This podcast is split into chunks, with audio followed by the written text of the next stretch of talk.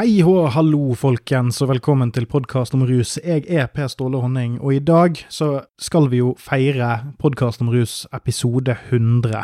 Det har vært eh, ti fantastiske år, eh, som egentlig er 100 år i russammenheng, og vi har jo gått gjennom enorme omveltninger, store samfunnsendringer.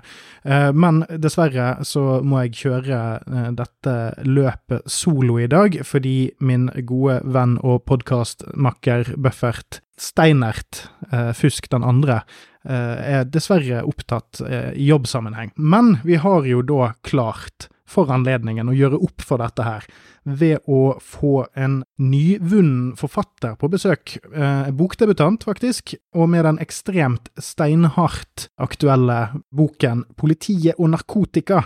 Og da har vi altså med oss i studio i dag, for første og kanskje siste gang, eh, forfatter Jon Ove Flovik Olsen, som har kommet her for å snakke om dette utrolig viktige prosjektet. Og velkommen til deg, Jon Ove. Ja, tusen takk for det. Veldig hyggelig å være her. Ja, og som dere hører, så er det et filter på Jon Ove, fordi at eh, selv om du står frem med fullt navn, så tar vi ingen sjanse. Ja, det stemmer. Jeg har hørt at det er sånn der eh, på Så er jeg bare kødder, det er meg. Yay! Gratulerer med dagen! Takk for at du kom. Yes, takk skal du ha. Ja, det var litt, eh, det var litt harde diskusjoner i redaksjonen, men eh, det var heldig, heldigvis så var det to mot én. Yes! Bok spesial, baby. Episode 100, baby. Vi er der. Yes, det var jo egentlig veldig flaks at du greide å time dette fint til episode 100, og fuckings bokdebutere. Alt er planlagt. Som konspirasjonsteoretikerne sier, alt er planlagt. Alt er planlagt, men gjennomføringa, den Det pleier ikke å gå så bra. Nei, Derfor er konspirasjoner stort sett bare piss. Men her har vi jo faktisk en hardcover-bok med, med omslag og alt. Altså, den er jo faktisk gitt ut på ordentlig. mm. Hvordan, eh, hvordan gikk dette her til? Nei, du, det har vært en lang, eh, lang prosess med mange sene kvelder. Mm. Men uh, før det i det hele tatt kom i gang, så var det rett og slett uh, Altså, det, det er takket være narkotitter, Det kan jeg si med en gang. Det, jeg satt og brukte ganske mye tid på narkotwitter og så alle disse avsløringene som begynte å rulle inn via strålende innsynsbegjærere som uh, Nitek, Spatial K, Stian Grasli Litt ufin, kanskje. eh, veldig god periode der en stund. Og da merka jeg at ok, det her er jo Det er jo en bok. Altså, det, er en stor historie med veldig mange små biter. Mm. Så, så det den boka her gjør, er Den gjør jo veldig mange ting, så det er sykt vanskelig å oppsummere den med få setninger. Men den tar hele NMPF-saken og, og forteller den samla. Ja, for jeg har ikke fått tid til å Og dette det er jo det som gjør denne podkasten veldig konkurrans, eh, konkurransedyktig i markedet. Fordi at mm. uh, som programleder så har jo jeg ikke lest boken, men jeg skal late som at jeg har gjort det. Det er det mange som gjør. Ja, ja, og, ja, og sånn sett så er vi veldig konkurransedyktige. Sant? Vi er ikke forberedt sjøl når vi burde være det. Akkurat som de store. Eh, men jeg kan jo i hvert fall late som at jeg vet hva jeg snakker om. Og Mm. eh, du starter jo, det starter jo litt sånn for eh, noobs, dette her. Det er jo for eksempel litt sånn, litt sånn vagt Er ikke det litt, litt i starten om sånn kriminaliseringen i Norge og sånt, for å få den lille, det bakteppet der? Jo, det, det stemmer. Det er egentlig Det var litt vanskelig avveining, det der, fordi hvem skriver man for? Ikke sant? Ikke at jeg er så vant med det å tenke på målgruppe og sånne ting, men, men sant, hva, hva vet de som leser den? Eh, og Man vil jo helst at flest mulig, alle slags folk skal lese den, eh, men samtidig så må du regne med at de veit noe. Men du gidder ikke å idiotforklare alt heller, for du vil jo treffe de smarte, kule lytterne våre, håper jeg, som har masse kunnskap om feltet. Så det jeg valgte å gjøre, var at jeg tok en liten sånn historisk eh, del først. Altså Hele greia begynner egentlig med en sånn liten anekdote fra meg om da jeg, da jeg var ung og var på fest. Og så kom politiet, og så var de, virka de kule, virka interessert i oss, men plutselig så lukta de noe hasj i lufta, eller hørte at han som hadde festen var eh, kjenning, var det vel, og da endra stemninga seg. Så Mm. de var liksom alltid litt mer interessert i å finne narkotika enn de var i, i oss ungdommen. Um, så jeg begynner der. Men da, så blir det masse om historien, hvordan lovene ble som de ble, da. Jeg Mm. tenkte bare å få med det, for hvis jeg bare begynner med en sånn lang rant om at politikken er ikke bra nok, så tenkte jeg mange lesere ikke veit nok om hvorfor politikken er sånn. Nei, for det der er jo kanskje loddet man har innenfor dette feltet, Ja. eller loddet du må bære, det at du på en og samme tid henvender deg til eh, to vilt forskjellige kompetansenivåer hos leseren. Ja, og det er, det er så veldig interessant med rusfeltet òg. Altså, jeg tror vi alle er i boblene våre, ikke sant. Vi er alle interessert i et eller annet og tror folk kanskje er mer interessert enn de er. Så, så rusfeltet er jo smalt. Eller kunnskapen om ruskultur generelt er, er ganske smal. Uh, men samtidig så er det jo noe folk uh, Jeg har inntrykk av at folk har, har lyst til å vite litt om det. At de en måte Mange der ute har lyst til å gjøre det bra på en rusquiz, f.eks. Men jeg tror at de fleste hadde gjort det jævlig ræva på den. Så derfor er det en vanskelig avveining. Uh, hvor skal lista legges? Men ja, nei, ellers så Jeg må si ellers at det var en det var, var litt utfordrende å få gitt den ut. Uh, jeg tror det er vanskelig å være debutant, da. Å være debutant som skriver om et eller annet sært. Det er litt sånn som å miste alle typer jomfrudom. Du må, må, må, finne rett interessant og ikke bli buttfucked. Ja, ikke sant. Eller med mindre du vil det, da, selvfølgelig. Det er ikke noe galt med det. Mm. Uh, jeg trer jo inn i, i, en bokbransje som fremstår veldig som en mafia for meg, uh, men det er også Jeg tenker det at det å være debutant er vanskelig generelt, og i hvert fall hvis du skriver om kontroversielle temaer. Men så allerede fra sånn bok to eller kanskje tre eller noe sånt, så begynner du å bli kjent for noe, og da, da, da får du lettere tilgang. Men jeg fikk avslag av ganske mange forlag, det kan jeg si. Ja, og apropos da, nå må vi jo prøve å belønne dette forlaget litt. Eh, hvor kan man få kjøpt denne boken? Det, nå må vi jo prøve å, mm. vi, vi er så, Det er jo ingen som sponser oss, så vi er ikke vant til å liksom lime inn sånne her eh, Det er promokode det og det på eh, hva er det, Manscape. ja, Comfyballs.no. Ja, pornopung. Uh, nice. Nei, uh, ja, det uh, burde vi merke der med sånn produktplassering eller noe. Hele episoden. Hele episoden. Ja. det er altså Lille Måne heter forlaget. Uh, Shoura til forlegger Jan. Um, og de, den selges altså altså på lillemåne.no. Skrives litt som Lille Maine, yeah. en rapper. um, og der kan man uh, få en forhånds... Uh, ved, ved, forhåndsbestilling så får man da en signert utgave. Så langt lageret rekker, egentlig så lenge håndleddet mitt rekker. Men ja, der, der, finnes den, og Lille Måne de uh, er jeg veldig veldig takknemlig til. Den finnes òg på Nordli og andre boksjappe sine portaler, der jeg måtte bestille. fordi at uh, mm. det, var ikke, det, var ikke, noe til, gratis til en gammel makker her, nei. Så da bestiller jeg det på gamlemåten, så skal du faen meg få lov til å tegne Onkel Skrue igjen. Få pengene dine, we broke! Men uh, ja, og så regner jeg med at hvis jeg husker det, så kommer det til å ligge en link eller to i beskrivelsen her for de av dere som er for late til å google. Mm. Det er jo klassikeren i eh, Og husk promokode POR. Og når du trykker på linken, da har du kjøpt boka! Da er den på vei allerede. Klikk og, klikk og kjøp. Faktisk har du bestilt den bare med å trykke på play på denne episoden. ja, det er deilig. Jeg gleder meg til å se det tallet øke. Og hvis du har skrevet til noen på telefonen din eh, sine eh, ulike chatfunksjoner, så har det òg blitt sendt inn i posten til neste Bøker på vei til dem! Hele lista. Presten i lokalsamfunnet, hele. Det burde være lov når man er lite, en, en liten debutant på et lite forlag. Men sånn sett så er det jo det, det som er, jeg tenker at det er de store sitt tap. For det har overrasket meg at det ikke har kommet noen litt større de kjente folk à la Jan Arild Snoen eller de her Minerva-folkene og smelt ut en eller annen sånn pamflettaktig bok om mm. dette temaet, bare basert på overfladisk kunnskap mm. for et halvt år siden. Ja, det. Nå skulle vi trodd at dette var en litt heitere potet enn det det tydeligvis er, da. Eh, sånn hvis man mm. tenker markedskreftene og dette, for dette har jo vært mye styr rundt dette i flere år nå. Og det er ingen som har prøvd å nøste opp i hele hendelsesforløpet og gjøre det spiselig, da, eller, lettfordøyelig. Ja, absolutt. I den grad det kan være lettfordøyelig. Ja, det, det syns jeg også er litt rart. Altså, fordi jeg vet at vi alle er i våre bobler og sånn, men, men NMPF-saken fikk jo en, egen emnefane på mange aviser. Altså, det var veldig mange avsløringer, mange saker. Og min egen mor visste plutselig hva NMPF var, uten at jeg hadde nevnt det for henne. Mm. Og, så, så det fikk en viss utbredelse. Men jeg hørte jo at noen skulle skrive bok samtidig som meg, så jeg ble jo livredd for at nå kommer det ja. en lignende bok i forkant. Men hans bok 'Legaliser utropstegn, nå utropstegn', mm. uh, en tittel jeg alltid sier sånn, uh, den handler jo mer om, generelt om argumentasjonen hans personlige og gode argumentasjon for legalisering, og ikke bare avkriminalisering. Så mm. den er også litt banebrytende i Norge sånn sett. Men jeg fikk vite i dag at Kulturrådet, som har en sånn innkjøpsordning, de har sagt nei til min bok, men de sa ja til noen sin. Oh, ja, pussig det der. Det, det, tenker kanskje at jeg har litt Det er litt greit å være litt, etablert. Litt, litt trynefaktor? Ja, det er jo litt sånn forlagstrynefaktor òg. Altså, hvis han er på et kult forlag, så har du større sjanse for å bli kjøpt inn. Men, men når det er sagt, eh, Snoen fortjener det. Jeg fortjener det, jeg òg. Men mm. uh, for all del, boken hans er bra, altså. Ja, for jeg, jeg, har ikke rørt den. Men mest fordi jeg føler jeg har lest den allerede. Jeg har jo på mange måter lest din bok uh, allerede. Ja. Jeg, det har vel egentlig vært sånn crew-medlem på Making of-dokumentaren uh, veldig lenge. Men, ja. Men eh, jeg, jeg, tror, jeg tror jeg kommer til å sluke det inn ganske fort. Eh, mest fordi at den Fordi det kan kanskje høres sånn ut for eh, de av dere som har hørt en stund på dette showet, at jeg er ganske oppdatert og vet hva som foregår.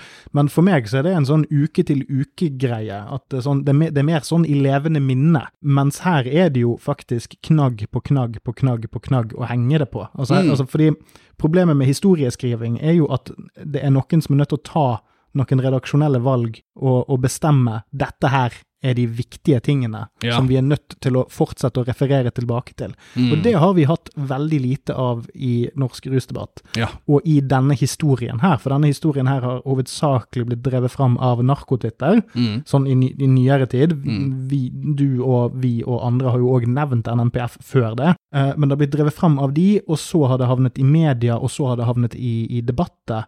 Men da har det ikke vært Det er ikke historieskrivningen, sant? det er Mm. debatten. Mm. Eh, det er ikke et narrativ som på en måte er sementert. Det er fremdeles mulig å påvirke det politisk, og altså gode og onde krefter kan påvirke dette. Og Mm. da er denne boken her jævlig viktig, fordi at her er det mange veldokumenterte påstander som noen er nødt til å tilbakevise Mm. for å få etablert et annet narrativ, og det er derfor han er så forbanna viktig. Yes, nei, men takk, absolutt. Eh, Veldig mye av det som står i boken har jo på et eller annet vis blitt nevnt på denne podcasten, men, men igjen, jeg må jo gjenta det at det er narkotwitter som må, måtte har gjort dette mulig. Altså Deres avsløringer ble jo til eh, mediesaker, ble jo til rolleforståelsesutvalget som gransket samrøret og så videre, så, så de er det essensielle. Men når dette har vært i media og lignende, så, så diskuterer f.eks. Dagsnytt 18 da én sak av gangen.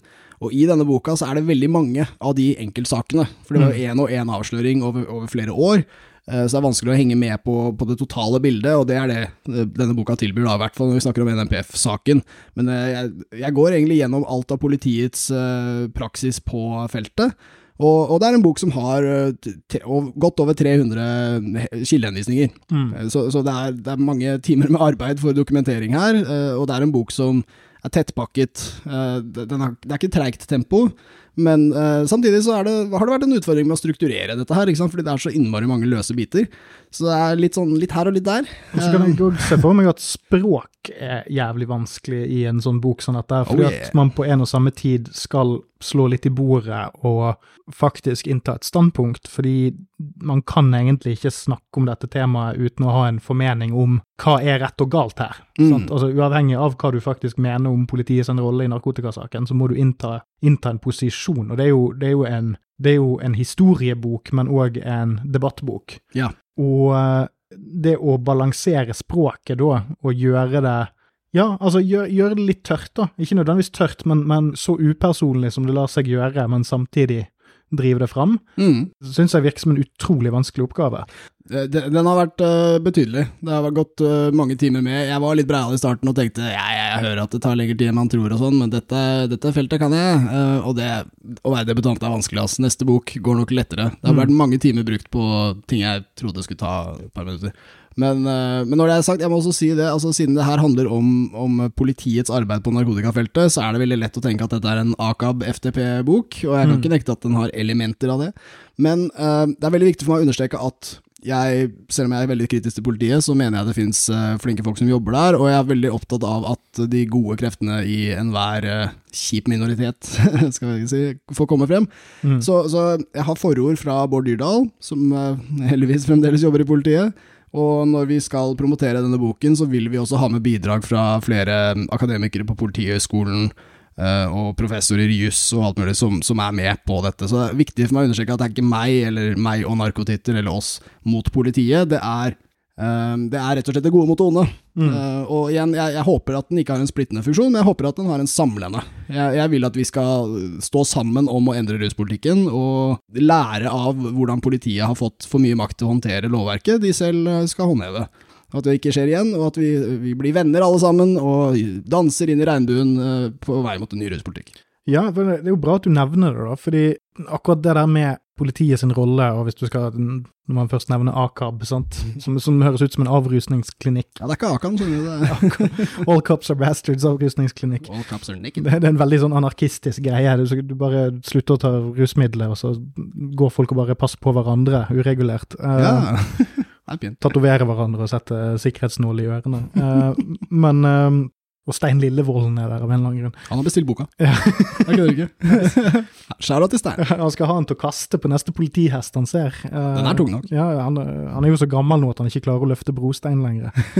men, eh, men, men oppi alt det der, så er det jo kanskje et av de viktigste spørsmålene i, i denne her eh, litt sånn store, brokete gjengen med uh, rusmasere i Norge nå, så er det jo innstillingen vår overfor politiet. Der er det, der er det noen som er litt mer på den her uh, brenne ned skiten og bygge Ja, ja. bar-tilnærmingen. Mm. uh, og det er jo et helt akseptabelt politisk standpunkt, men det er ikke så veldig eh, da, må du, da må du komme med en ganske god plattform som du er nødt til å bygge opp ganske mye støtte rundt for å få til. Ja. Det er ikke så veldig matnyttig i det systemet vi allerede har bygd opp. Nei, nei, jeg er enig, og det, det er litt derfor jeg tar en annen tilnærming. Og jeg, jeg, vet, jeg vet det sikkert hører folk med på denne episoden også, som, som tilhører de som er la oss si, veldig sinte på politiet, og som da syns jeg er altfor svak, eller at jeg, at jeg på en måte burde vært tøffere, da. Men og det, det syns jeg er en vanskelig ting i vår bevegelse. Fordi altså, jeg, jeg vet at det er veldig mange som er basically traumatisert, og det er ikke meningen å på en måte si at de er skada, eller noe sånt, men altså, de har hatt så kjipe erfaringer med politiet at de, de er prega for livet, og de har ikke lyst til å tilgi politiet for det. Og, og da blir det fort, heller fort over mot en slags hevntanke, da. En tanke som ikke er lagd, lagd eh, for en plan 10-15 år frem i tid. Det er mer sånn her og nå. Når de skal få svi, og de skal angre. Og jeg, jeg skjønner det behovet, og jeg har egentlig ikke lyst til å be dem dempe seg. Det er som å gå til en traumepasient og si ja, var jævlig kjipt at du ble utsatt for noe som fucka hele livet ditt uh, over, men, uh, men ta kom over, da. Så, så vi alle kan få et bedre fellesskap. Det, det er jævlig kjipt å gjøre. Men samtidig, jeg er jo en av de heldige. Skriver om det i boka òg. Jeg har ikke blitt utsatt for noen nevneverdige øh, traumatiserende opplevelser fra politiet, og ja, jeg føler meg liksom privilegert i den sammenheng. Jeg vil, jeg vil egentlig ikke kreve at noen som helst tilgir politiet, men jeg ønsker å, å understreke at hvis vi skal få til en ruspolitikk som øh, alle kan leve med, som vi ikke har i dag, da, da tror jeg vi faktisk må, må samarbeide. Det tror jeg. Ja, for det er på en måte kompromissets dilemma, det der. Ja. Altså, på den, altså at du det er, det er veldig lett, det, det høres litt rart ut, men det er veldig lett å være hardliner. Mm. Fordi da, hvis du er hardliner nok, så trenger du faktisk ikke å engasjere deg. Fordi ingenting er godt nok, ingenting lever opp til din konkrete standard på hvordan ting skal være, verken på reformsiden eller på politisiden eller hva enn. Mm. Og da, da vil det uansett bli for dårlig for deg, så da kan du bare la være å delta. Mm. Og det er jo helt kurant, men da blir det ingen forandring heller.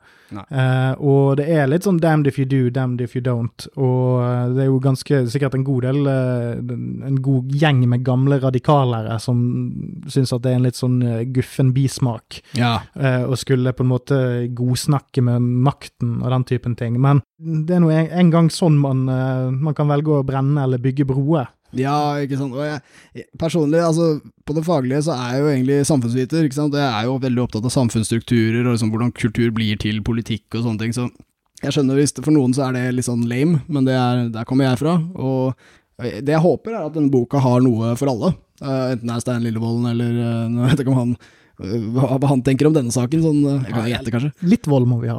Li, en lita vold.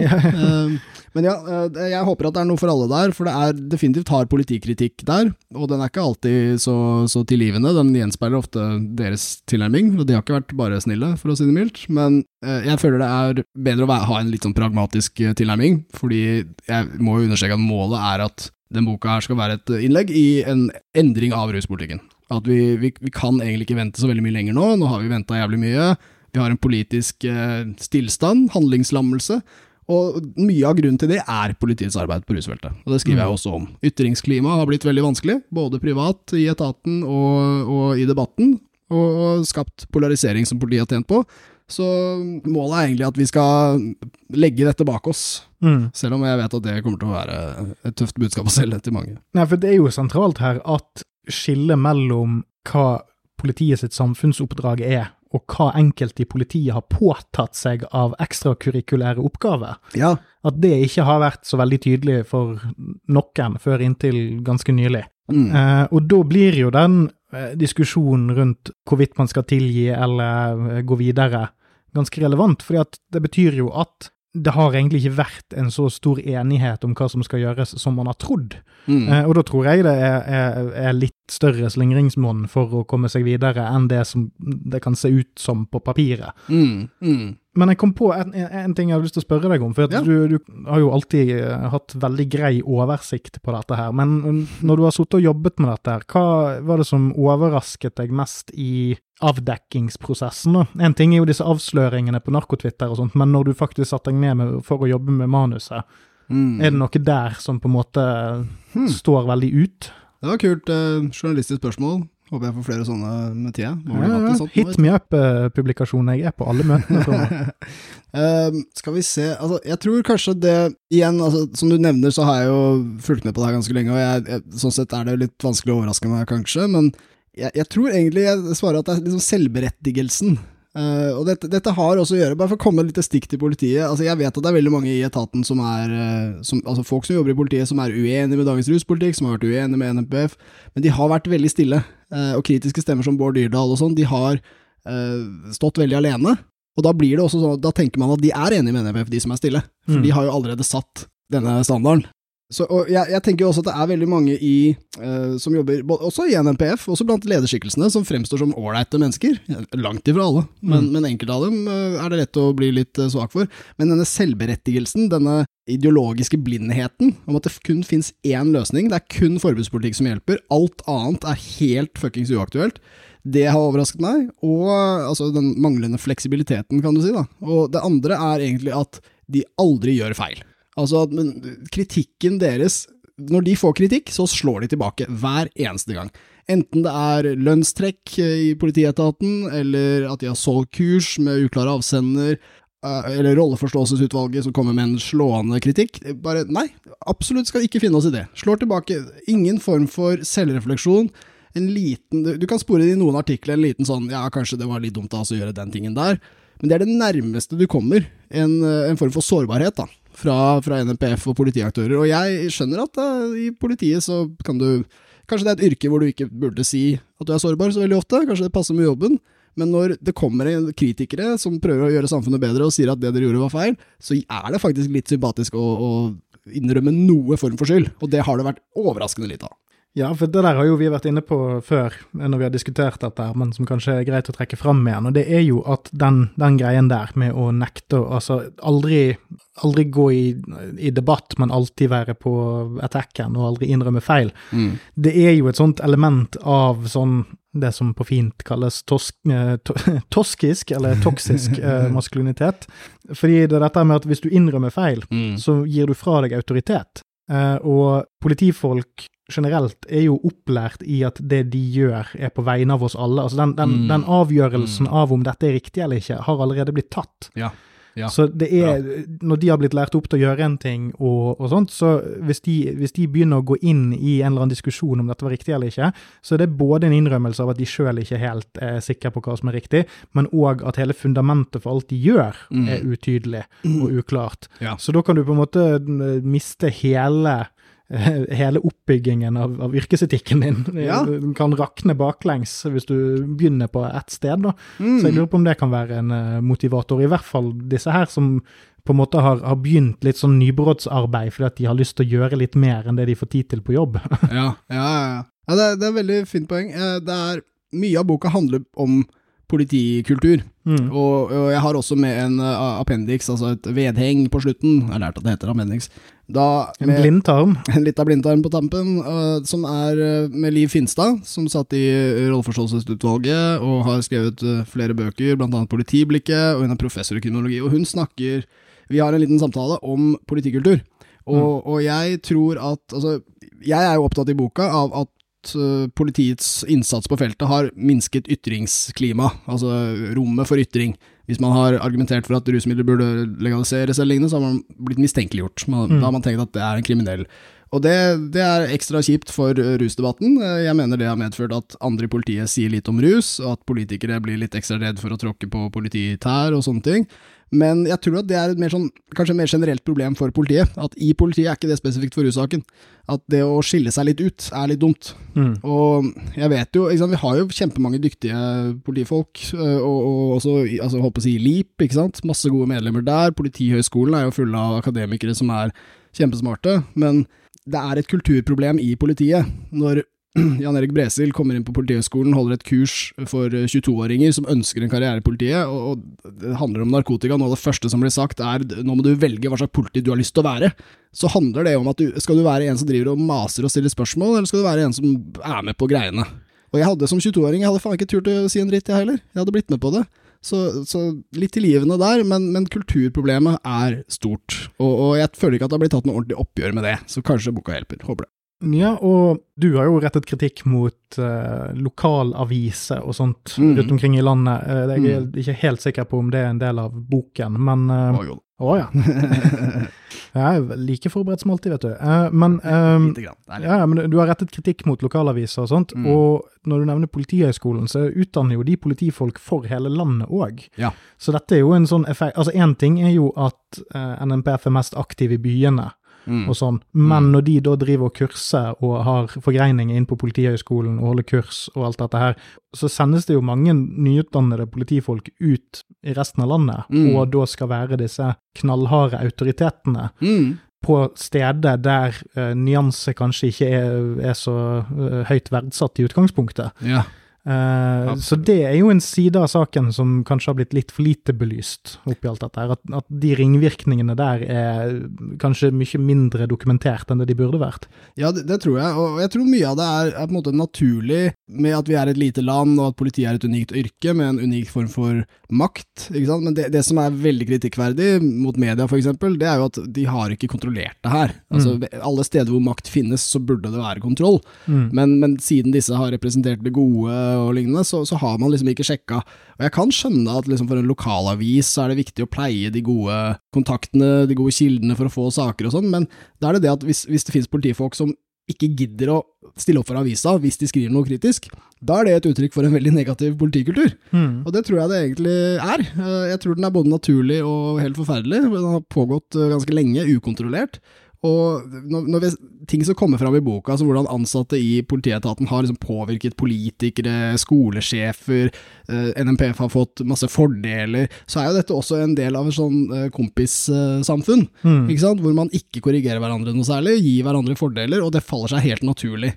Så, så det er en del av dette kulturproblemet, eh, som, som går gjennom hele boken her. En ting er at arbeidet deres har gått utover denne saken, og at det har vært vanskelig for dem å, å stå opp og være annerledes og sånn, men, de, men det, jeg vet noen bruker begrepet mafia, jeg gjør ikke det her, men det å gi hverandre gaver, håper jeg det å gi hverandre fordeler, det er da dette begynner å helle over mot øh, korrupsjon.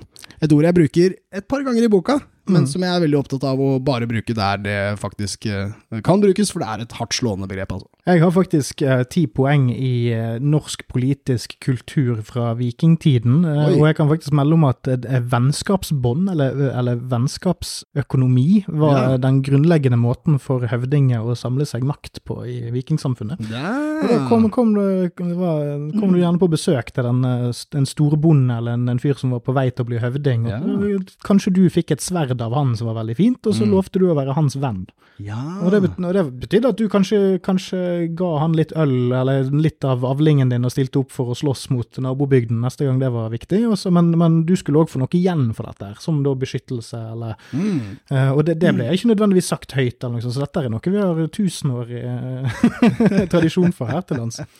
Ikke, og, og det er jo òg dette vi har snakket om før òg, altså korrupsjon på norsk, hva er det? sant? Altså, det er nettopp, kanskje nettopp fordi at vi er et så lite land, så er Mm. alle disse litt sånn hyggelige hyggelige vennskapsbåndene vi har, er Mm. kanskje det som, er, det som blir ettergått minst i sømmene, fordi at folk sitter ofte på to, tre, fire verv i Ja. et lokalsamfunn, eh, og kan være viktig på mer enn én måte.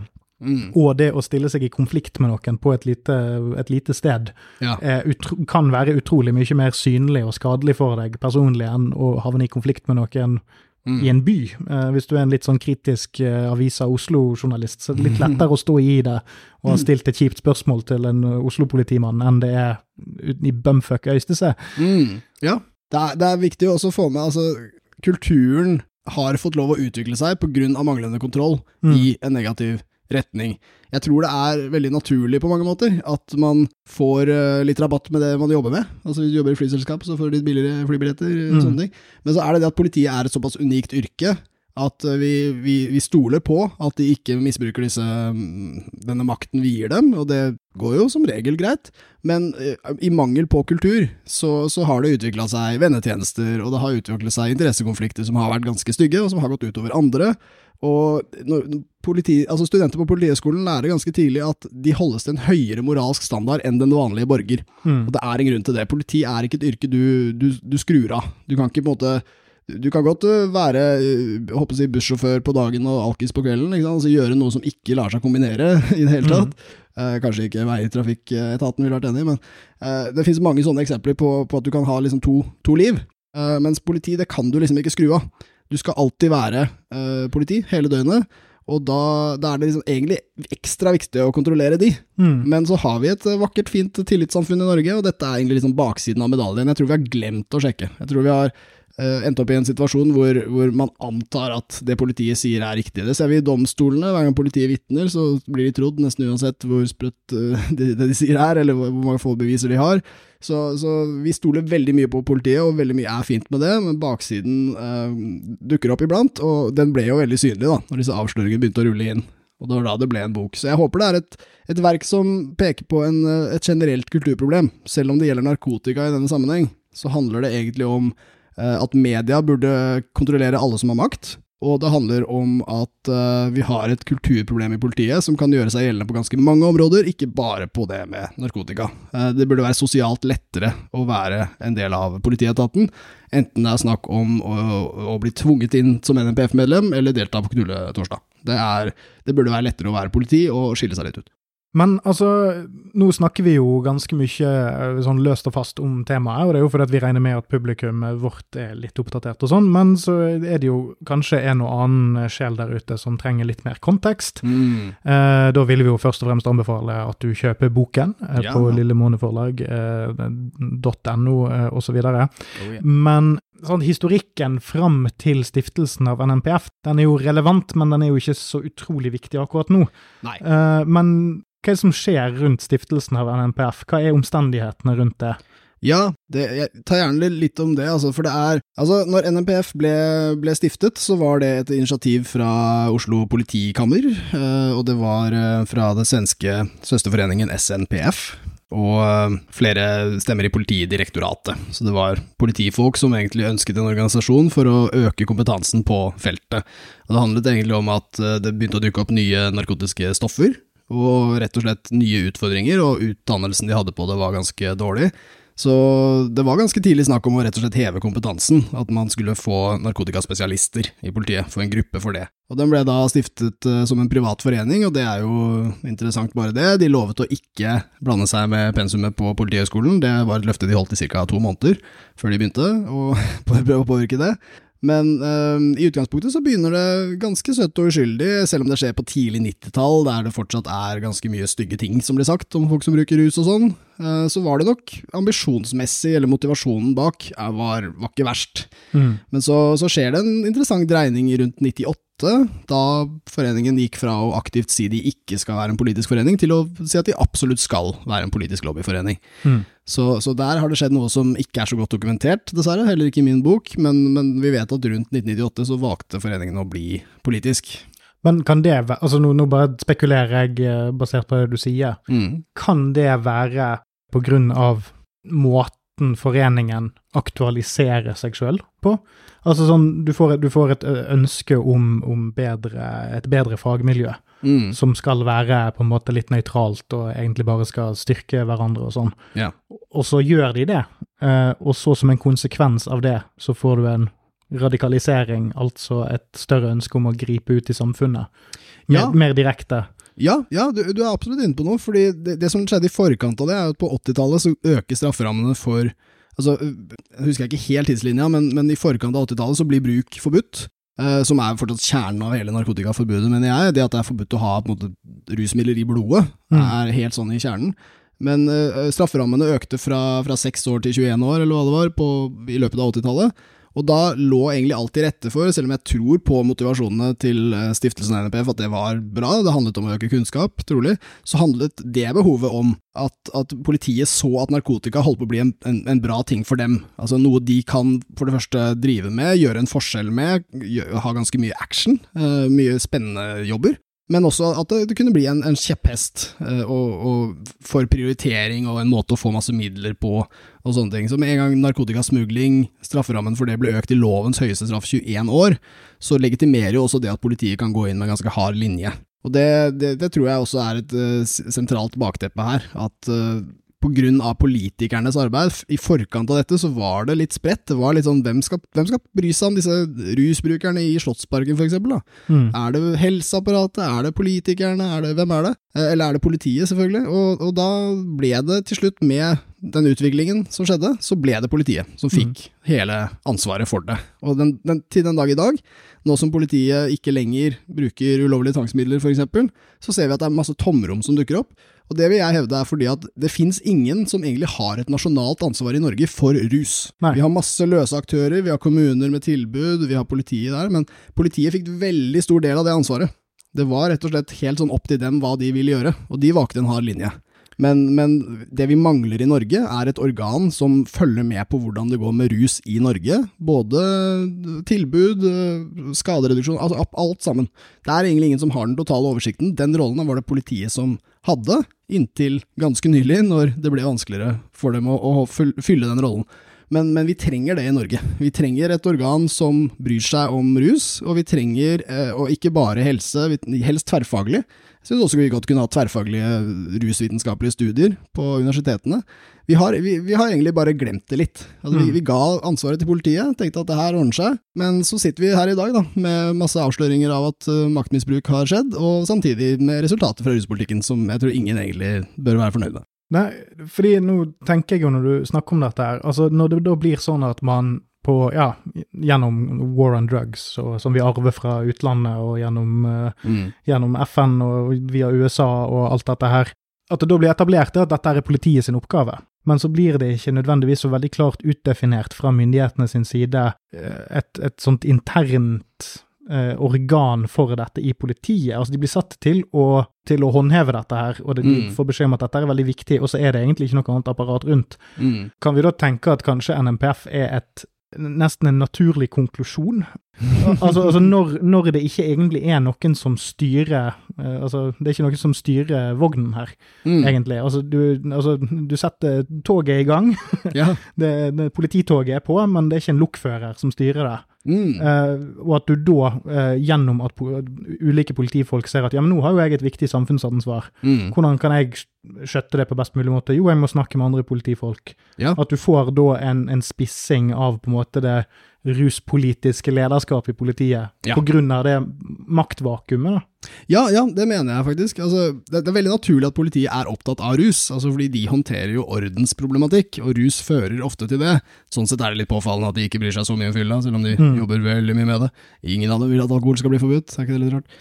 Uh, men jeg, angående rus som fenomen, så mener jeg du, du, kunne forstått det på flere måter. Altså, Hvis du hadde sett på rus i et helseperspektiv, så er det mer sånn de som bruker rus, skader seg, det må vi hindre. Mm. Uh, ser du på det som mer justispolitisk, sånn som politiet gjør, så er det de som bruker rus, de, de er ulydige, altså de bryter reglene, de må stoppes. Mm. Men hvis du ser på det litt mer sånn kulturelt, som er det perspektivet som mangler, og som er grunnen til at jeg tar til orde for mer sånn tverrfaglig tilnærming, så er det det at folk tar ulike stoffer for å endre sinnstilstanden sin, og disse stoffene fungerer på en eller annen måte litt for bra. Altså det, de funker hver gang, og de er jævlig sterke. Uh, og de er, utgjør en samfunnsutfordring som vi burde forstå kulturelt. Hva er greia med rus, hva er greia med måten nordmenn bruker rus, og hvordan kan vi håndtere dette best mulig. Men når det er sagt, så er det på en måte litt, litt politiets Jeg skal ikke si skyld, men også sånn ære, kanskje, at, at, det ble sånn. Fordi de var veldig opptatt av det, og de, var, de ønsket å få det ansvaret i veldig stor grad. Men jeg må peke på politikerne opp gjennom årene som har hatt et slags valg om de vil se dette som et helsemessig samfunnsproblem, eller om de vil se det som et mer et ordensproblem, et justisproblem. Og da har de valgt det siste. Mm. Norske politikere var de som hevet disse strafferammene så fort, og da var det debatter på Stortinget der, der de snakka om at vi må få de jævlene ut av landet, disse jævla rusfolka, send dem til Svalbard, og altså veldig brutale Ingen form for helseforståelse. Det er ikke Mm. sånn leger ville snakke om det. Og på den måten så mistet helse litt sånn sitt hegemoni. De ble heller bare satt til å lappe opp de det gikk skikkelig gærent med, som man klarer å sympatisere med. Han er det synd på, for han er veldig sliten. Og jeg føler vi ser det samme i dag, med regjeringen som, som ønsker å skille mellom de tunge rusmisbrukerne og de andre. Ved et eller annet punkt blir det synd på deg, og da blir det helse. Men frem til det, så er det orden som gjelder. Så det er politikerne som har ansvaret for at eh, rus i Norge har blitt kulturelt forstått som et ordensproblem. Det er åpenbart mer mangfoldig enn det. Ja, og det er jo ganske nytt dette her med at det er et helseproblem. Ja. Eller, eller det å forstå det som om at det i utgangspunktet ikke trenger å være et helseproblem, punktum, men at det kan være en del av et mentalt og eh, fysisk helseproblemskompleks. Mm. Altså, al altså ideen om at rusbruk i seg sjøl ikke trenger å være problematisk, er ganske ny i, offentlig, i det offentlige ordskiftet. Eh, og den har jo begynt å få, om ikke et sånt vanvittig fotfeste, så i hvert fall en viss anerkjennelse blant deler av befolkningen, i hvert fall internasjonalt. Mm. Eh, mens det vi ser dagens regjering henge igjen på, er jo ja, litt sånn litt god gammeldags konservatisme. Ja. Altså at man, man skal på en måte tilby ro og orden. eh, man skal være litt streng, man skal være Mm. litt stram. Mm. eh, og vi skal i hvert fall ikke la oss styre av følelse så mye. Vi skal være litt, litt maskuline. Mm. Litt sånn at eh, vi skal ikke Nå skal ikke vi liksom Altså, ungdommer de trenger å bli tatt litt i ørene. Ja. Uh, og det, det skal jeg kunne mene, uh, selv om all vitenskap peker motsatt vei. Ja, og det, og det du peker på der, er egentlig en sånn justispolitisk utvikling som er også ganske ny. Altså fordi det, Inntil ganske nylig, altså i vår levetid, så var det en, en idé om at hvis f.eks. din datter da, begynte med rusmidler, det beste du kan gjøre for henne, det er å bare kaste henne ut på gata. Mm. Da lærer hun en lekse, slutter å ruse seg, kommer hjem, er lydig resten av livet. Det trodde man på. Mm. Uh, I dag vil jo ingen psykologer eller noen fagfolk i det hele tatt stå inne for en sånn strategi. Ja, Eh, det er jo du- du- starten på en glanskarriere som eh, gateprostituert. Ikke sant? eh, Det- det vil ikke hjelpe. Men, men det er ganske nylig at man har, har endra på det, og, og det er også noe som gjenspeiler seg opp gjennom denne historien. At ikke bare var det et valg mellom helse og justis, men, men den justisformen eh, som, som ble brukt, den var også ganske hard. Mm. Men jeg må un understreke, som jeg, altså, i boka mi så skriver jeg også om hvordan det har gått, forståelsen av rus har gått fra et helseproblem til et ordensproblem. Eh, og så ulike versjoner av det, og så tilbake til et helseproblem. Og, og grunnen til at jeg peker på det, det er at i Norge, Norge var en gang i tiden et foregangsland, en ledende aktør internasjonalt på å se rus som et helseproblem. Og dette vet ikke folk om. Eh, I 1961 så åpnet de en klinikk, Statens klinikk for narkomane, het det da, på Hov i land. Og det var den første av sitt slag i Europa. Da var det altså nesten Men det her kommer klasse inn og gjør Mm. dette litt komplisert. For de som var pasienter på denne klinikken, de kom nesten alltid fra høyere sosiale lag Ja, i samfunnet. Veldig, og det var fordi at rusmidler var ikke så utbredt. Så de som ble avhengige av dem, det var eh, kjærester, barn av Eller leger. Mm. Altså nært noen som hadde tilgang på det. Og når man da åpna en sånn klinikk, så hadde man masse sympati for de, for de var jo allerede ledende samfunnsborgere høyt oppe, ikke sant. Og, og da må vi være snill, da må vi, da må vi passe på å liksom ikke, ikke snakke for mye stygt om dem. Uh, han som var helsedirektør på den tiden, Carl Evang, han var veldig stolt av dette. Han gikk senere ut og, og jobbet for å forstå det mer som et ordensproblem, så han er litt sentral i den endringen. Men han beskrev den som ganske sånn eksperimentelt, og han omtalte brukerne som syke, ikke-kriminelle som skulle straffes, men skulle få forsvarlig helsehjelp. Og dette er 1961, Mm. ikke sant? så vi, vi var jævlig tidlig ute, men så var det noe som endra seg på veien. Og det er liksom de, de endringspunktene som er interessante. Begynte som helse, ble orden, masse streng orden, og så helse igjen. Litt sånn som NRPF, begynner med eh, gode intensjoner og kunnskapsøking og sånne ting, og så plutselig blir det politisk påvirkning, og så spinner det ut av kontroll. Det er her vi skulle ta, stoppa. Det er Mm. på de punktene der vi skulle tatt grep. Men politikerne hatet rusbrukere, og, og NMPF mente at de ville tjene på å få politisk makt. Og der burde noen sagt eh, stopp. Men det er jo òg interessant det du nevner der, for jo mer du begynner å behandle et helseproblem som et ordensproblem, Mm. jo flere ordensproblemer får du. Ja, Så, det er helt sant. eh, så etter hvert som tiden går litt, så får du mer og mer dokumentasjon på at ordensproblemene eksisterer. Ja. Eh, så det er jo igjen et definisjonsspørsmål. Mm. Hva er problemet her? Jo, folk ruser seg. Sant? Og hvis du da nekter å gå inn på hvorfor, Mm. sant? Gode gamle Jeppe Ja. Hva var det jeg så? Det var noen som sa, sa på Twitter en gang ja, grunnen til at Jeppe drikker, er fordi kjerringen hans maser sånn på han. Ja, ja, det, Eller om det, om det var en sånn chat-GPT-svar. ja, det var det. det var det. Boten syns det. Ja, sant. Og, og det, det er jo et, et enkelt svar for enkle sjeler.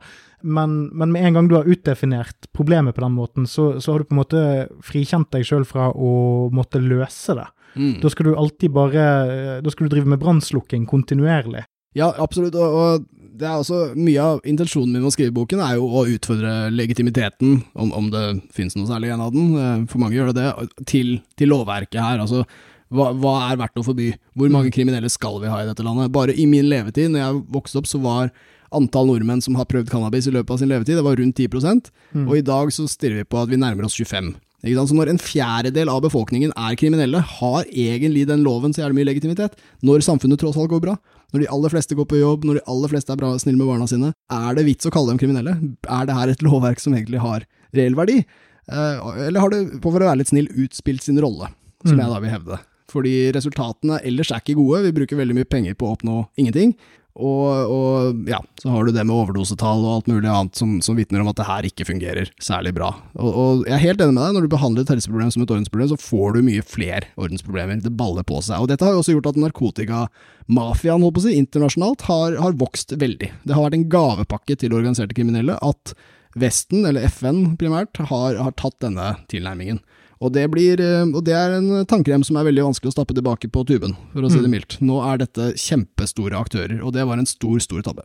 Ja, og så for å spinne litt videre på dette her med eh, hvordan man definerer ting, eh, så husker jeg jo det både står i boken, for den har jeg jo selvfølgelig lest, eh, men så har jo du òg for rundt åtte år siden, så eh, beit jo du deg merke i noe når du skrev eh, masteroppgaven din, Mm. der du fant et internskriv eh, der det sto at politiet måtte følge med på Ja. legaliseringsdebatter og sånt for å nettopp spore oppvigleri eller et, et eh, ordensproblem, om du vil. Yes. Og det kan man jo se spor av helt fram til den Grostad-saken for Mm. et år, halvannet siden, ish. Eh, der eh, det var tydelig at det var en mappe på Hege Grostad som ble delt av ulike eh, politikontorer og sånt, Mm. fordi at hun har uttalt seg positivt om rusmidler. Jepp, det sto det. Og jeg synes, at, eh, sånn ut ifra det vi snakker om nå, så er jo det et utslag av den omdefineringen der. Ja. At med en gang du har sagt at dette her er hovedsakelig et ordensproblem, så blir det òg et ordensproblem at folk bruker ytringsfriheten sin til å drøfte. Og vår generasjon er jo vokst opp med denne nesten dyden om at det å være en kranglefant, Mm. det å stille spørsmål, det er kult. Ja. Uh, vi, vi er jo sånn gamle Hitchens, Dawkins-folk som var veldig glad i sånne her nyartister som kjeftet på kristne og, Ja. og, og, og sa Ja. ting som var upopulært. sant? Og da er det veldig artig at vi inntil ganske nylig har hatt et politi som har aktivt gått inn og motarbeidet eh, meningsbrytning Ja. på et, et legitimt lovfelt. Det er jo helt lov å mene disse tingene her. Mm. Ja, og det, det er en interessant ting med dette her. Altså, nå har jo det å bruke rusmidler blitt forstått som en veldig sånn alvorlig form for kriminalitet, og, og det er det som kanskje er litt underlig. Hvis man ser det sånn, så skjønner jeg at man, eh, som Politidirektoratet gjorde, skriver i en instruks at politiet burde følge med på eh, debatter som eh, hva var det- sto for noe, er egnet for å øke, øke kriminaliteten eller noe sånt. Noe. Mm. For eksempel cannabislegalisering.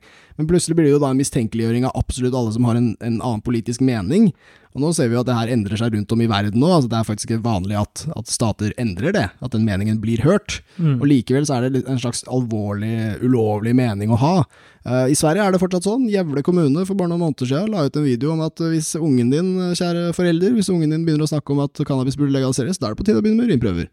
Og, og, og dette, er, dette er ganske ille. Altså jeg, grunnen til at jeg nevnte det med alvorlig kriminalitet, er at hvis det sitter for eksempel en person på internett og sier 'jeg syns drap burde være lovlig', Mm. og sier det hver dag hele tiden, så er jeg innforstått med at politiet kanskje skal og sjekke ut han fyren litt. Grann. Ja.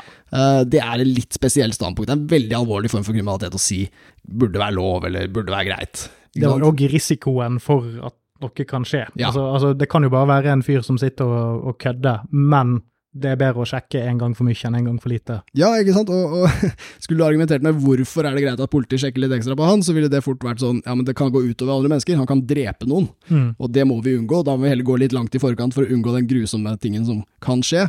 Men eh, så er det det med rusbruk, da. eh, som er en litt unik form for kriminalitet. Jeg vil i hvert fall ikke beskrive den som grov, men den er helt klart unik. Og det er at eh, hvis du bruker rusmiddel, så- et rusmiddel som er ulovlig, så er du både gjerningsmann og offer idet den kriminaliteten begås. Og da er vi allerede inne på et område hvor det er litt mer politisk legitimt å mene at dette er min rett. Dette er Mm. en del av yt eh, om ikke ytringsfriheten, å, å si at det burde være lovlig, da. Men det er også en del av meningsfriheten å kanskje bruke stoffene. Altså Det som skjer i min, mitt hode og min kropp, det er egentlig bare opp til meg. Så lenge jeg er både gjerningsmann og offer, så utjevnes det. Ikke sant? Men, men i stedet har man behandlet det her som at hvis du bruker rusmidler, og kanskje også mener de burde være lovlig, så går det utover samfunnet. Da, Mm. da, tenk på barna, tenk på ungdommen, tenk på hvordan det her vil bli. Og, og det, er, det, er et, ja, det er et jævlig stort sprang å ta. At, at uh, den gamle hippien som sitter og sier jeg syns hasj burde være lovlig, faktisk uh, skaper problemer for barnehagen nede i gata. Da har du tatt noen jævla store tolkningssprang. Og det er det som egentlig har, uh, har skjedd, da, når politiet velger å gå så langt og, og erklære enkelte meninger for altså, kriminelt mistenkelige.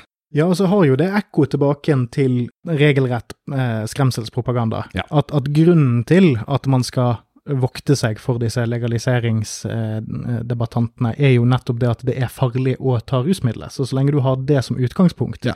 så er det det samme som i enkelte folk sine hoder, så er det det samme som å si vi burde drepe flere. Ja, Eh, Det er en, det er jo en gammel sånn, ikke en gammel sånn Wesensten-sketsj.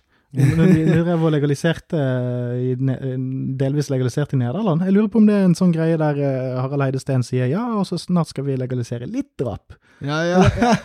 Eller noe sånt. ja det høres kjent ut. Det Og, og, og, og det at de to tingene var så tett i hodene på folk, sier noe om hvor utrolig stigmatiserende dette her har vært. Mm. Altså Det har tatt generasjoner å separere ut uh, de moralske størrelsene her. Ja. Eh, og at, at det at uh, du velger å putte noe i kroppen din, ikke sier noe om uh, hvem du er overfor andre. Yes. Samtidig som at når det er ulovlig, så skaper det jo ulovlige miljøer. Så folk som da Mm. bruker ulike ulovlige rusmidler, vil jo ha en høyere sannsynlighet for å drive med annen type narkotikakriminalitet. Ja. Som kjøp og salg, som Ja. er forbudt. Kan jo peke på forbudet der som årsak, men, men definitivt, ja. Og så, altså er det, ikke sant den, den personen som bruker rusmidler, vil kan, gjøre det av veldig mange forskjellige grunner. Mm. Ikke sant? Men med en gang man, man putter dem i én bås, så er det, det er en slags sånn narkotikaperson. Og så, og så får man et stempel, og det stempelet gjør livet vanskeligere. Da Mm. vil man ha, få mindre venner i nærmiljøet osv. Det er ikke så veldig lenge siden jeg så en konferanse fra, fra svenske Aktis som heter Slan. Eh, svenska legemiddel, alkohol, narkotika, jeg husker ikke. Men i hvert fall, der var det en eh, professor som heter eh, Hun heter Bertha Madras, jeg kødder ikke, Bertha Madras, og hun er fra Harvard. Og hun sto og, og i hennes foredrag så snakka hun veldig mye om the legalizers. Altså Det handla bare om de der skumle folka med den der meningen. Og det, det er veldig sjelden jeg ser en fag, eh, for, Harvard, faglig foredrag. Ja, hun er derfra. Og så diskuterte jeg med henne på Twitter senere, og da syntes hun at begrepet harm reduction, altså skadereduksjon, det var ikke så veldig lett å forstå. Fordi det er jo harmful og, og, og altså skadelig å ta rusmidler. Mm. Så, så hva er harm reduction hvis du lar dem fortsette? Og så, så svarte jeg til henne at eh, det her er egentlig bare et problem hvis du ser på rusmiddelbruk som noe moralsk galt. Mm. Fordi hvis du snakker med brukere om hva som er de positive sidene av deres ruserfaringer, så vil du få ganske mange forskjellige svar, og du vil ikke bare finne brukere som angrer. Du vil finne ganske mange som sier at det her gjør livet mitt bedre. Så hvis du bryr deg om den dimensjonen, hvis du tror på dem når du spør, så vil du finne ut at det her er mer komplekst. Eh, Og da er det lett å definere hva skadereduksjon er. Skadereduksjon er de tiltakene som minimerer skade, og som ikke nødvendigvis handler om å redusere bruk. Så enkelt kan det defineres. Men for henne så var det vanskelig, fordi for henne er det å redusere skade, det å redusere bruk. Og det er der denne skoen trykker i alle former for politisk debatt. Alle vil redusere skade, men den ene delen av debatten vil gjøre det ved å redusere bruken i seg selv. Den andre delen, den jeg tilhører, ønsker å redusere eh, skadene fra bruken som definitivt kommer til å skje uansett. Og Det handler ikke om at jeg vil at den skal skje, men det handler om at jeg har sett narkokrigen utfolde seg, og vi klarer ikke å stoppe det, så vi må minimere skade så mye vi kan, der vi kan. Og det skjer fordi rus brukes, og det vil også brukes fremover. Men altså, sant, altså oppi alt dette for jeg, jeg tenker for lytteren nå, så høres det jo kanskje ut som vi sånn, vi snakker litt om boken, og så snakker vi egentlig ganske mye om store, omfattende ting. Yeah. Eh, og det er fordi at det er det som er grunnen til at denne boken er viktig, og at dette sakskomplekset trenger mye, mye mer plass og mye mer debatt, er det at når politiet agerer på visse måter, så er det Mm. alle disse tingene vi snakker om, Ja. i hvert enkelttilfelle. Mm. Så hver gang du ser en politimann som står med pistolen på hoften og snakker foran litt sånn nervøse ungdommer om hvor farlig det er å røyke tjall, så er det egentlig alt dette her, altså alt, hele dette meningsuniverset her, Mm. Er i konflikt i det scenarioet. Ja. Det er alt, alt det der er i spill, Det er det. men situasjonen er så banal og enkel at det alltid blir, han, blir litt sånn at politiet sier ja, men eh, det er jo jobben min å skremme ungdom og gå rundt med gunner. Ja. Hvorfor kommer du her og kjefter på meg? Eh, og da blir nettopp dette med rolleblandingen og de utydelige eh, grensene eh, Mm. mellom eh, privatperson og maktperson i politiet så utrolig potent. Mm. Eh, og du har jo flere sekvenser i boken, eller flere kapitler i boken, det er jo blant annet kampen om ungdommen Ja. og sånn. Eh, Du har vel gått inn, det er jo spesielt disse her aksjonene mot unge venstre og litt sånt, har du dokumentert litt, har ikke du det? Jo da, det har jeg. Der har jeg klart å Det er på en måte den mest unike avsløringen. Altså Den kommer jo fra Narkotyter, så de som er veldig ivrige på Twitter, har kanskje sett de, de dokumentene før. Altså skjermbilder av e-poster som avdekker at politiet faktisk eh, var veldig delaktige i eh, sensuren av Unge Venstres eh, skolevalgkampanje, Legalize It. Som handler om cannabislegalisering, og som fortsatt pågår, for den saks skyld. Så, så unik avsløring, kjøp bok! Eh, men, men jeg må også bare si at det, at vi ender med å snakke mye om rus som fenomen og sånne ting her, det vitner jo også om hvorfor det er vanskelig for meg å oppsummere denne boka eh, med, med få setninger. Og så syns jeg det også vitner om hvordan vi kan ha en ruspodkast siden 2014 og lage 100 episoder hvor vi snakker om alt mulig rart rundt rus. Dette er et fenomen som, som inneholder veldig mange elementer. Eh, også denne boka gjør det, ikke sant? Men det er ikke så veldig mye rom for å snakke om det heller. Den podkasten vi har, tilbyr på en måte en form for preik som ikke er så vanlig. Og enten man jobb, hvis du jobber på rusfeltet, så er det fortsatt veldig få som snakker om ruspolitikk der. Og hvis du Mm. snakker om ruspolitikk, så er det ingen av de som kan noe om helse. Og hvis du snakker med en sosiolog, så vet han kanskje litt om, om russkader, men han kan ikke en dritt om kultur. Så, så det er egentlig, igjen, kommer jeg tilbake til mine krav om at du burde ha tverrfaglig undervisning og sånne ting om det her, men dette er et fenomen som er underforstått, og det er et, et sakskompleks som, som overlapper med veldig mange ting, både rettighetskamp, eh, personlig autonomi, eh, frihet fra kontroll, hobby, mening i livet, altså det er så mye. Så, så det, det blir ofte litt sånn spredt, men uh, jeg, jeg må nevne, altså, nå, nå føler jeg at jeg avspurte litt fra, fra din strålende få oss tilbake på boka-greie. Jeg, jeg tenkte jeg kunne nevne litt mer sånn er i boka, bare sånn for å, for å pitche litt. Uh, og jeg, jeg går jo ikke gjennom alt, selvfølgelig, Bare ikke bli for pitchy. skal ikke pitche for mye. Kjøp bok. Ok, hvis vi tar uh, Vi har snakket om at det begynner med en slags ungdomsfest, anekdote fra meg, så går vi gjennom en liten historielinje, så stiftes NRPF, boom. Så blir det ganske mye om foreninga, um, det blir litt om tegn og symptomer, deres metode for å avdekke om noen er rusa, ved å dingle nøkler foran dem. Det, Look the keys, look at the keys. hold opp en penn og litt sånne greier. Det fungerer veldig bra på babyer. Ja, det, man føler seg litt infantilisert når Mm. man blir med på en sånn sjekk. Eh, og så er det en del om rolleblandingen og, måten dette ble avslørt av aktivister. Altså at tradisjonelle media sviktet i sitt eh, samfunnsoppdrag eh, av forståelige grunner, men også i en veldig stor grad. Eh, og de avsløringene fra aktivistene, og der, der er det jo masse å nevne. ikke sant? Det var jo blant annet at NMPF fikk penger fra altså kompisene sine i forskjellige etater, tolletaten, eh, departementer, eh, Politidirektoratet ikke minst, om konferansene til NMPF, der du måtte være medlem av foreningen for å komme inn. Eh, Så da fikk de masse nye medlemmer, og da får de støtte til antall medlemmer. Og så fikk du opprykkspoeng i politiets eh, kompetansesystem ved å delta også. Så hvis du var, ville bli, ha karriere i politiet, da var det jævlig lurt å være medlem av NPF.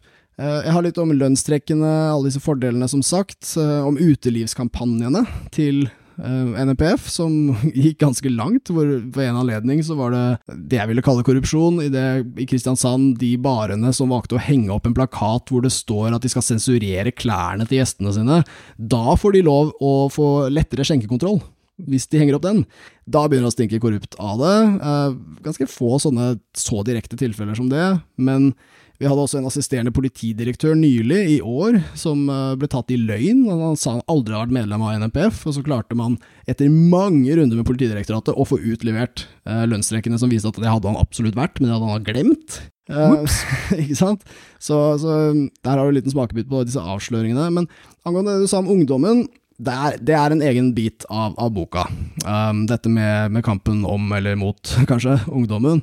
Fordi når narkokrigen ble starta, og hver eneste gang den snakkes om, så dukker barn og ungdom opp. Mm. Eh, Jeg prøvde ved en anledning å finne Jeg gikk gjennom 100 saker før jeg ikke gadd mer, eh, hvor politiet snakket om rus. Prøvde å finne én hvor ungdom ikke var nevnt. Og det klarte jeg ikke. Mm.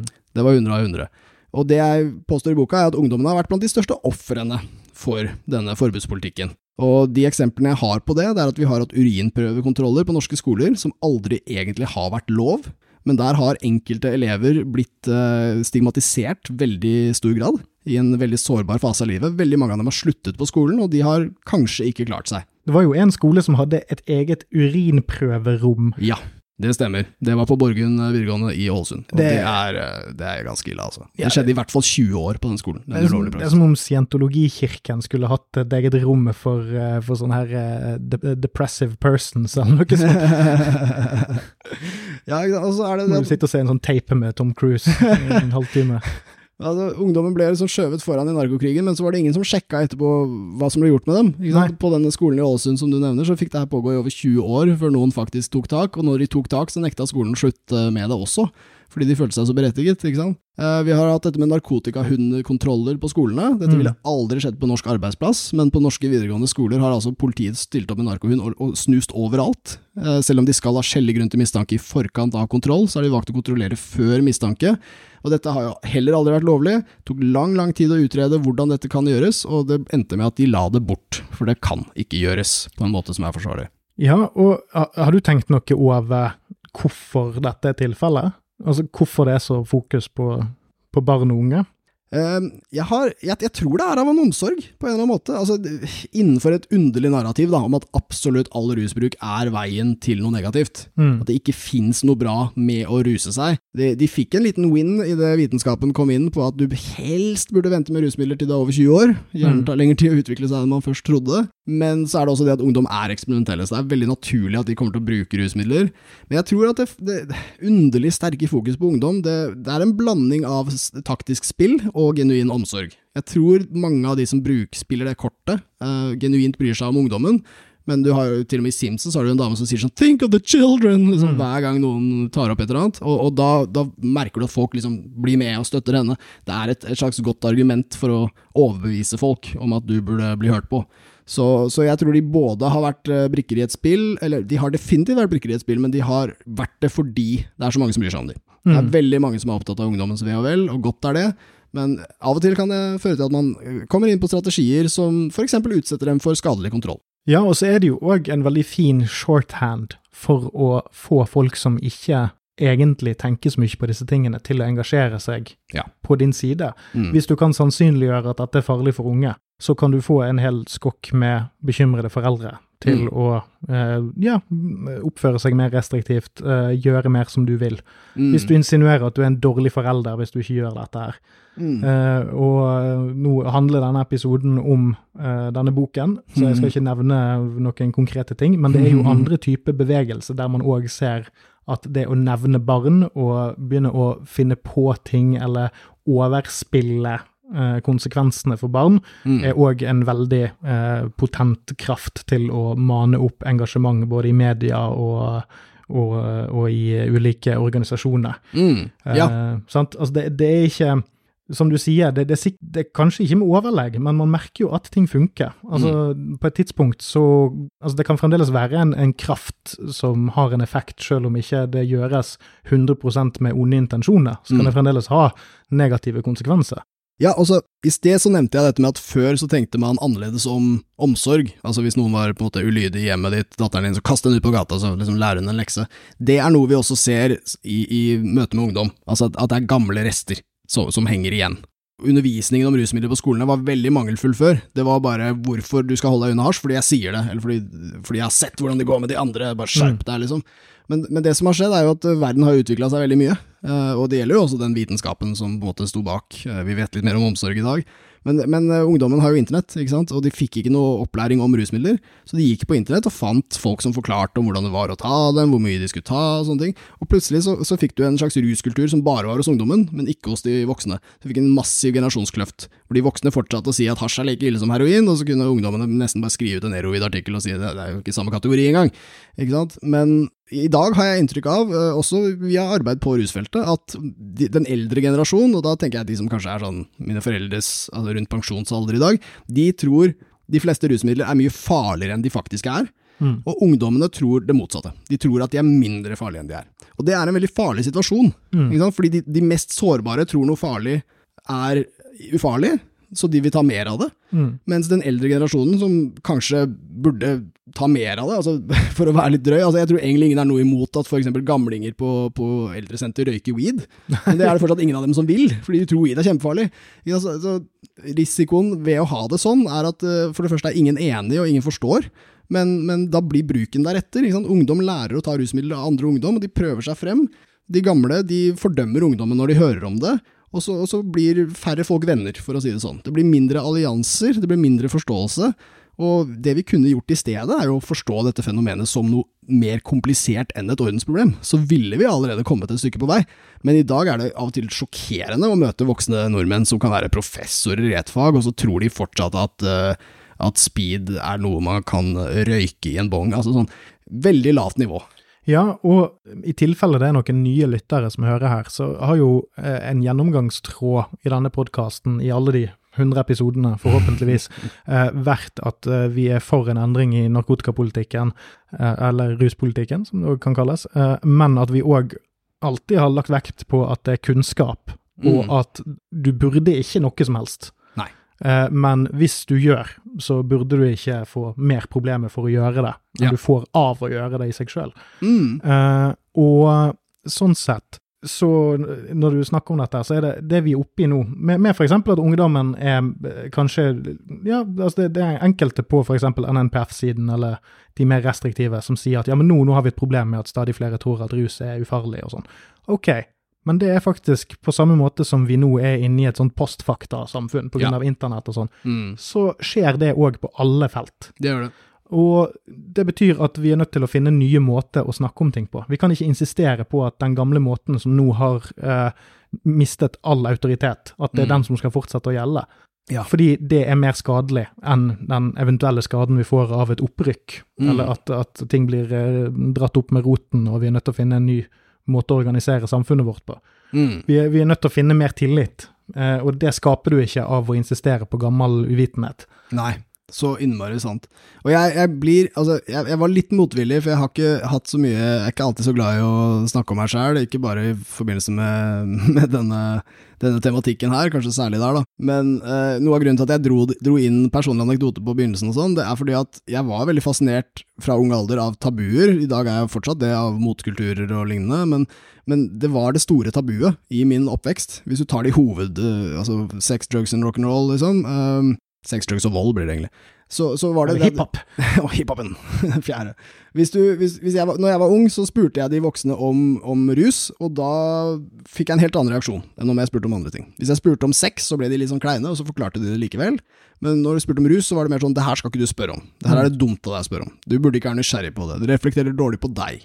Og det, det den tabugreia der altså jeg, Denne boka er dedikert til flere folk, men en, en gruppe jeg har tenkt mye på mens jeg skrev den, det er mine venner som var veldig nysgjerrige på hva rusmidler er.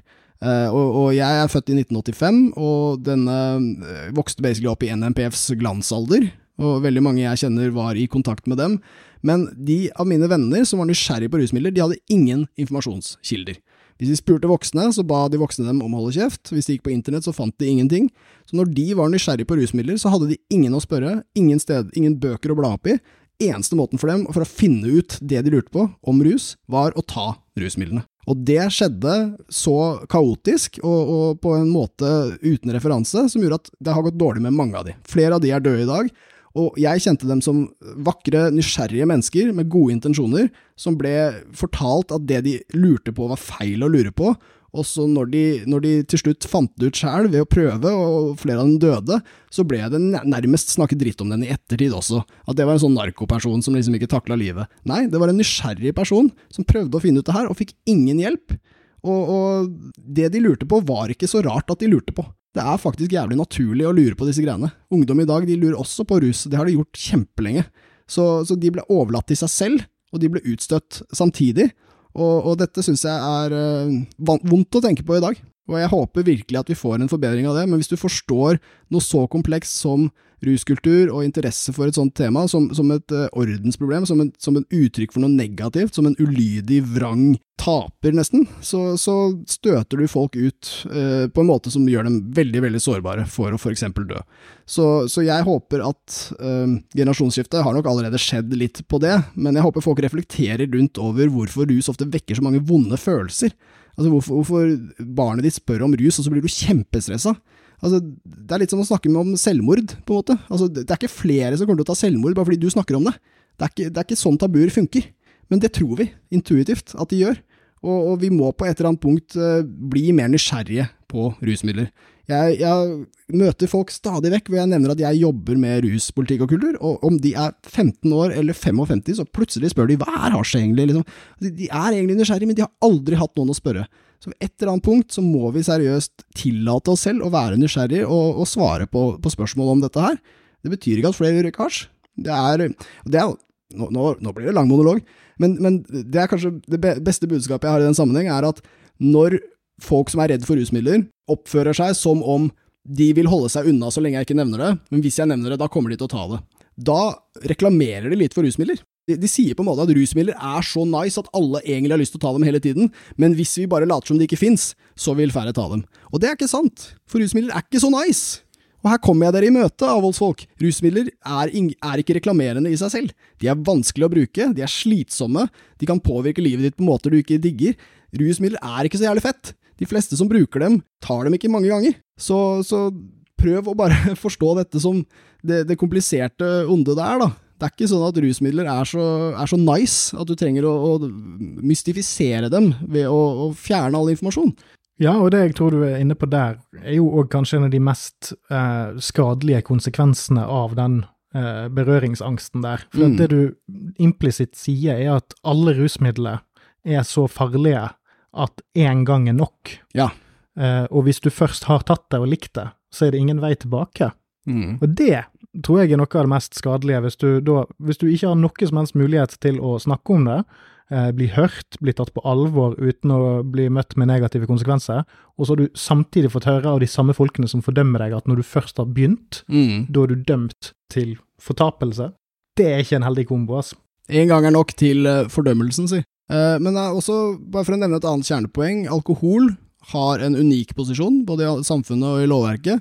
Og av at narkotika, altså alle de andre stoffene, har fått et begrep som da anses som veldig farlig og skummelt, så har man øh, skjønnmalt alkohol. Altså det, er, det har vært en konsekvens av det. Og det eksempelet jeg bruker på det, det er at hvis du spør nordmenn, og da mener jeg de som stort sett ikke kan en dritt om drugs, så spør du hvorfor er rus forbudt? Ja, det er, da, de kan, kan si ting som at det er forbudt av en grunn. Det er en grunn til at det er forbudt. Den har jeg hørt flere ganger. Snakker om hasj, hva som helst. Det er en grunn til at det er forbudt. Og da mener de selvfølgelig ikke den rasistiske narkokrigen som Nixon startet. De, de mener mer, det de mener er at det er farlig. Du kunne sagt det samme om, om eh, nunchucks og skateboard òg. Det er en Ja. grunn til at det er forbudt. Jeg tror ingen har klart å forklare meg hvorfor skateboard ble forbudt. Det, det, det er en veldig dårlig grunn, men det er jo en grunn. Det var en grunn der. Eller hadde jeg aldri klart å vedta det. Eh, Nunchako er jo faktisk fremdeles forbudt i Norge under våpenforskriften eh, under navnet karatepinne. Det er sånn en eh, tasty matrett. Ja, altså jeg, jeg tenker at, at den forskriften burde bare oppheves på grunnlag av at når du er så eh, nisse at du lagde den under en veldig rasistisk heading. Ja, ikke liksom hadde kalt det Det er noe kinapinner. sånn her i Kina-Japan-greie. Japan-pinner. Japan uh, men jo, nei, men altså hvis vi er med på det premisset om at når, når de sier rusmidler er forbudt av en grunn, så mener de fordi de er farlige. Hvis vi tar det, poenget der, og, og følgende av det, så blir det at det er forbudt fordi det er, det er, det er ulovlig fordi det er farlig. Da er alkohol lovlig fordi det ikke er farlig. Nesten sunt. Mm. Og det her er dritfarlig. Altså, vi ser måten nordmenn drikker på. Uh, den er helt kaotisk. Det som anses som normal drikking av nordmenn, det er absolutt ikke ansett som normalt i utlandet i det hele tatt. Det å drikke seg så drite at du snøvler og faller og tryner og glemmer alt neste dag. Dette er ikke vanlig måte å drikke på, men vi har substituert vårt uh, resterende, holdt på mer ordinære rusbehov eh, med alkohol. Så der andre folk kanskje bruker ti rusmidler, bruker det der og det der og litt sånn forskjellig, så bruker folk som sier nei til narkotika, de bruker alkohol til alt. Og de bruker ofte alkohol veldig mye og veldig kaotisk.